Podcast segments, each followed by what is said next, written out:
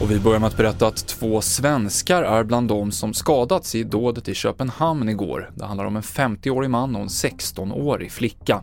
Tre personer dödades när en man sköt inne i ett köpcentrum. En 17-årig flicka, en 17-årig pojke och en vuxen man. Tillståndet för de skadade svenskarna beskrivs som allvarligt men stabilt.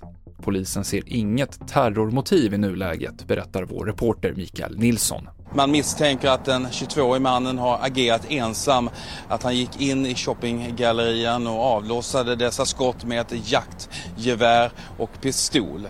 Eh, sedan greps han ju 13 minuter efter första larmsamtalet om pågående dödligt våld. Mer om dådet i Köpenhamn på tv4.se.